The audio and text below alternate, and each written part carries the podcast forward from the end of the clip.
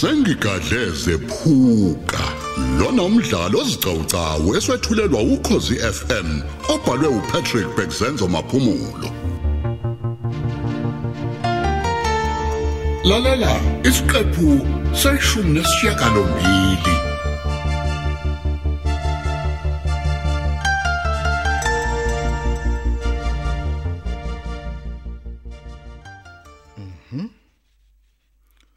Kukahle impela ngoba lo mbiko ongazisa ukuthi lengane equleka isiquleka kanjani bayithela ngamazi njengamanje ukuziphaphama.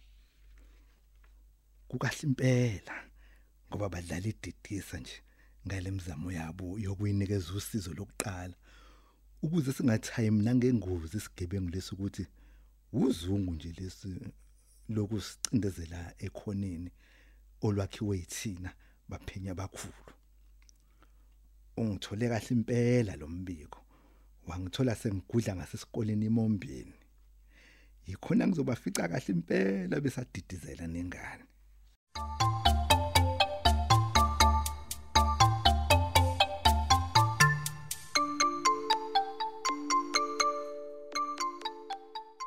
Oh.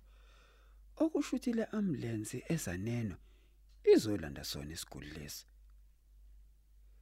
Pho-ke ngabe yazi kanjani ukuthi sekukhona umuntu esequlekile manje la?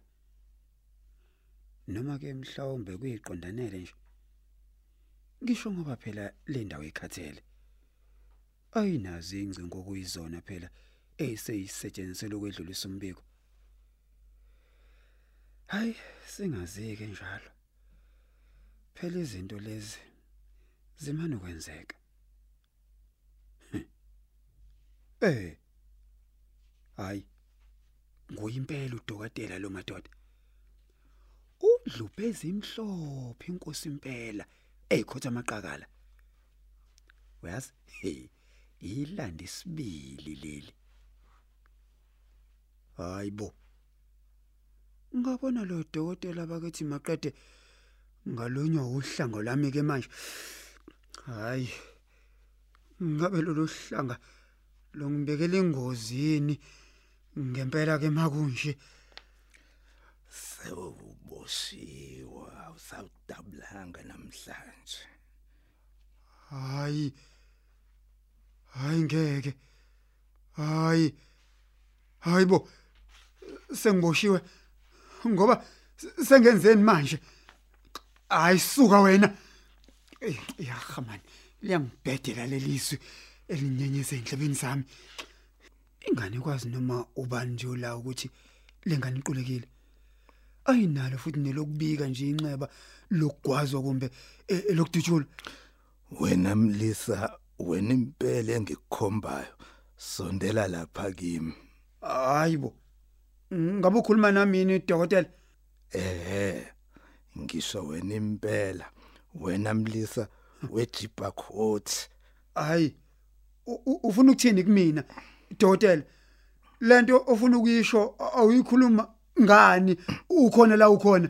hey angidlali njalo wena ngisafuna ukukuhlola ukuthi ngabe awukangenwa yini wena ileli gciwane lesifo sofuba elingumashabhuqa Hey, umthetho wakho wena uzela uzohlola isimo sempilo yami noma mhlawumbe uzolanda lo muntu oqulekile. Ngizolanda yena loqulekile Pho ufunani kumina? Haw. Ngabe konje ungizwe ngithini ngithe ngiyagula mina? Hey angiguli mina dokotela. hayibo akubalekile ukuba uze ubike ukugula Haw. abomnyango wezempilo bangithumele khona ukuba ngibe lokhu ngibheka abantu engibasolela kuleli gciwane lalesifo ukuze livinjwe lingakabhebhetheki kwazise phela yisifo esithathelanayo lesi Hey wena. Usho ukuthi ugqanyelwa yimina ngedwa wena dokotela. Phathi kwabantu abaningi kangaka. Hey. Ungazodlala ngamdokotela. wemlisa Ya. angiboni wena wedwa baningi engisazobahlola futhi akukhokhwa mali welashwa ngesihle nje busente mahala Lalela ke yana kubo ke wehlukane nami. Angifuna ukuhlolwa mina. Akubhlungu ndawo. Selokhu ngiqalile ukukhuluma. ngabe usuke wangizwa kodwa ngikhwehlela kumbe eh, ngingqifoza cha ngithi hlukana nami ke dokotela ndini uma imisela ukuphoxeka phakathi kwabo bonke labantu abala ngithi hlukana nami angiguli mina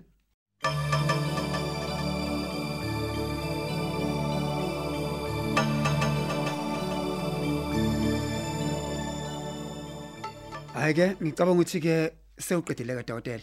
Sengicela ukuba ke sihlukane ke manje ukuze nami ngibe umunye walaba abarekayo la emshadweni. Cha cha cha cha ndoda. Awukwazi ukuthi ungareka nawe kube mnandi kube njeya ya kanjani manje? Uthini ngale mndeni ehleze emanzini ngenxa yakho?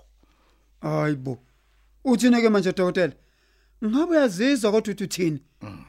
Uthi uyazi nje ukuthi ngingasuke kusakaze ngenhlamvu ugebhezi lwekhanda mina. Khona manje kuchitha ubuchopho habe ngivelelwa yimi ni inkombosa kababa. Hey ungangijwayeli kabi. Uyangizwa ngithini kwena? Ungalinga ungijwayele kabi mina. Ngicela usuke manje kumina. Habe kanti uze kumina kahle hle dokotela uze kumina mawuzela lalela lapha ke mbulali ndini. Ah, igama lami elisepasini ke njalo lelo. Awubusi ngani uma ungalazi igama lami ngitshele mina manje dokotela ukuthi nguba igama lami. lalela lapha wena mina ngingumsomlomo walaba bafa bayisithupha Okay. osanda kubabulala wena eTexini bude buduze nasemondla Mina. ngokunjalo futhi ngingumkhulumeli walomufo osanda kumbulala edolobheni Habe. ngisho ngalo lelo langa phela ugqokiso komfelokazi bathena kabafi laba angizobabuzela lapha kubo ukuthi amathuna abo lawa agadwe ngubani ngempela njengoba wena ureka nje lapha kumnandi kunjeya ya Hayibo. Kanti ubani ngempela lo ngikhuluma naye?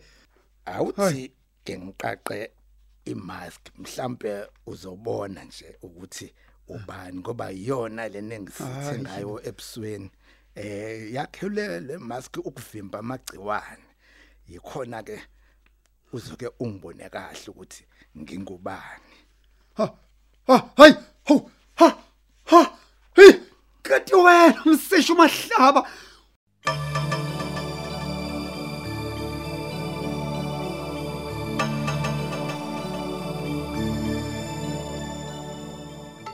Hawu baba usufike emva kwendaba. Hayi bonkosikazi angiphuthume umva kwendaba wani lokhuluma ngakho kwenze njani? Hayi phela sengiyithole ishisa ngemthombo ethembekile. Ebe ukuthi hawu aseza senela amasango ngasigonyela isigebengu isuthiza. Hayi boy madoda. Hey bo. Hayibo, musungithinta emanunini wenkosikazi. Ngiyakutshela we Hayibo, baba. uyazwa ngithinta kude kanjani ngempela? Ngempela ngisho ungabuza kubani baba iqiniso limi lapho. Wenkosikazi ake ngize nendlebe ngihlale kahle. Ungilandise kahle mngami, ungilandise emankomonde wami omuhle. Ngizwe lonke udaba ukuthi ubanjwa kanjani lo mbulalo behleze ezindondosha isifuba yena. Ethi akasoza abanjwa nanini nanini. Ah phela baba ayikho impunga ehlathi. Awu, zikhalile. Hawu.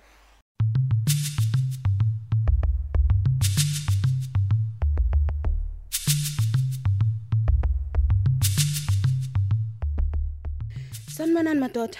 Ngabe khona enganisiza ngakho? Eh uxolo nje dadewethu. Hayibo, musana uloke ninginamzela lapha nina. Khulumani nisheshise nishe nize ngakho anginaso isikhathi mina. Yo besacela ukuza ukuthi singamthola nomlise Mumbe obizwe lakhe lungumthiza Mthembeni. Oh yeah, khulilekani nina. Eh ukhona lo muntu lapha eDoksini. Ngabe mhlambe nimvakashele? Yebo yebo. Konje ngabe nihlobene kanjani naye? U- Umngani umngani wethu. Oh, okusho ukuthi nihlangene ngobugebengu nina uma nikwazi ukuba ngabangani nomuntu oyiselelesi. Aw- awukahleke ngabe uzosisiza kodwa ntombazane noma mhlambe usuthola indawo yokudlala la kuthina Hayibo. yini ngathi uzoba inyongo wena Nazi ukuthini nabafana? Angizwani neze mina nezichwenzi. Hallo. Uma ngabe niphume emakhaya oyihlonibheme insango nibheme kahle. Inganisanganisi nje emakhanda nizochithekela Scott. lapha kimi ngoba ngisengithele bathi kumina otholeni manje manje. Aze azini azenzi wami. Kwaphela wena siyabona ukuthi vele awuyimisele ngosisiza. Bese sicela mhlawumbe usixhumanise noSopholo abaphethe, Hayibo. abaphethe futhi. Ayibo. Kanti nizwa kanjani nabafana? kanti ngisho ukuthini nje uma ngithi akukho noyedwa lapho umuntu ovunyelwe ukubonana nalomlisa enize kuyena nini umthetho wamakhandeni lawa agcwele itingi nedamkoko enganti bekufanele ngabe usichazele kanjalo sifika la maqanyeni hayibo hayi usehla ngaphezulu ngalolu hlobo kuhle kwesikiki kanti ninjani nabantu bakithi make nathola umsebenzi nje nasebenza kanconywana nivele nibe seniyakhukhumala kuhle kwamabhigoko yabona nje wena sesiwami uyiqaba nje. Uyinto okufela ngamathi ikhafule ebusweni nangojuzane hayibo osikhwehlela udoti yeyi wena yeyi wena mfana. Uvele nje ikhanda lakho liyaxega wena njengelempukane hayibo futhi uyabonakala nje wena ukuthi awukaze washawa nje. Untanga bakho bayakushaya bathi ukucukuza le khanda lakho leli.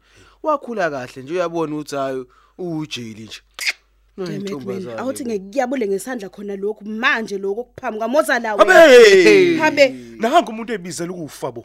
Mameshane konje umuntu mesebizwe igodu Hayibo. awumlethe Nanga sondela. awumlethe Wenze ngapha. hey, wena we- yeyinini yeyinini Khotha, Wenzani? awumlethe ngapha nje ngifuna ukumbambisa amathumba akhe ngesandla.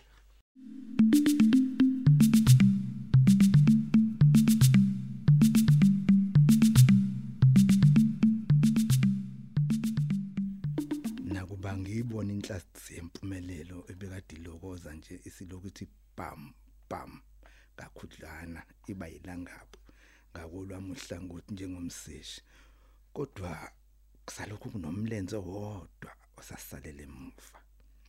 Ukunyathela kwawo ngegxathu elilinganayo nangesiqe sifanayo nalo nomunye. Lokho kuyobe sekungibeka ethubeni eligcwele lokwaziwa njengomnqubi. Nokho kusazomela ngenyusa amasokisi futhi ukuze igalelo lami libonakale ngihlonishwe njengomsheshi.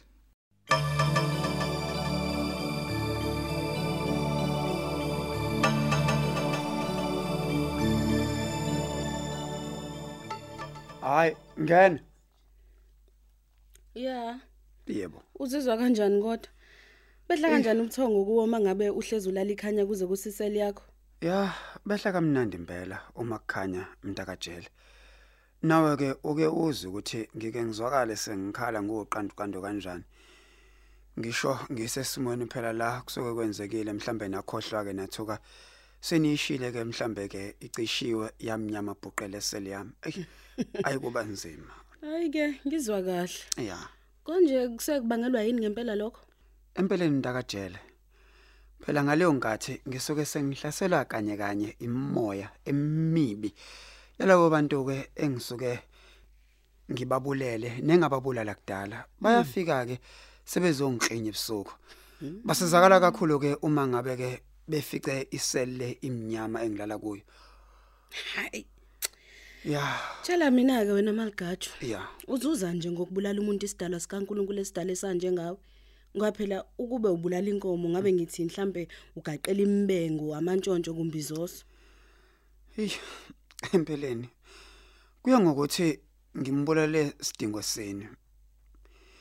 Kwesinye isikhathi mntakajele kuyenzeka ngimbulale ngoba ngiqonda ukuthola izitho ke zomzimba wakhe ukuze ngikwazi ukuba ngiyithake ngezintelezi. Ngimbulale futhi ngoba ngiqonde mhlawumbe kumephuco okuthize okuyigugu lakhe engisuke kade ngikuthanda ngaleso sikhathi. Negazi ke kwesinye isikhathi lisuke lingishisa kumele kube khona kufanele ngikwenze ukuba ngichithe igazi. Ilapho ke engisuke sengibone kumele kube nomuntu engizombulala. Kuzo zonke ke lezo zenzo kodwa ngisuke ngihlushwa kakhulu iqunga elinginika isibindi ukuthi ngibulale umuntu? Uthini ke ngalesisho lesi esithi obulala ngenkemba makafe ngenkemba. Liyeke lona leli testament elidala encwadini kaMose lithi iso ngeso izinyo ngezinyo.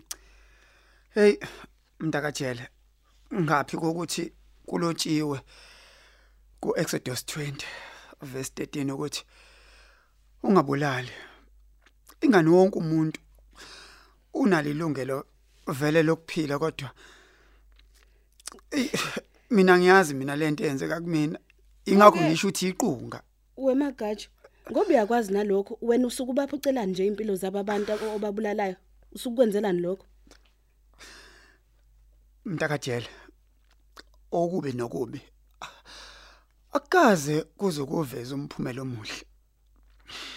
Ingakho nje nali iBhayibheli. eTestamenteni Elisha ligcizelela ekutheni ungaphindisa kubi ngokubi. Nami ngokunjalo angizenzi ntakajela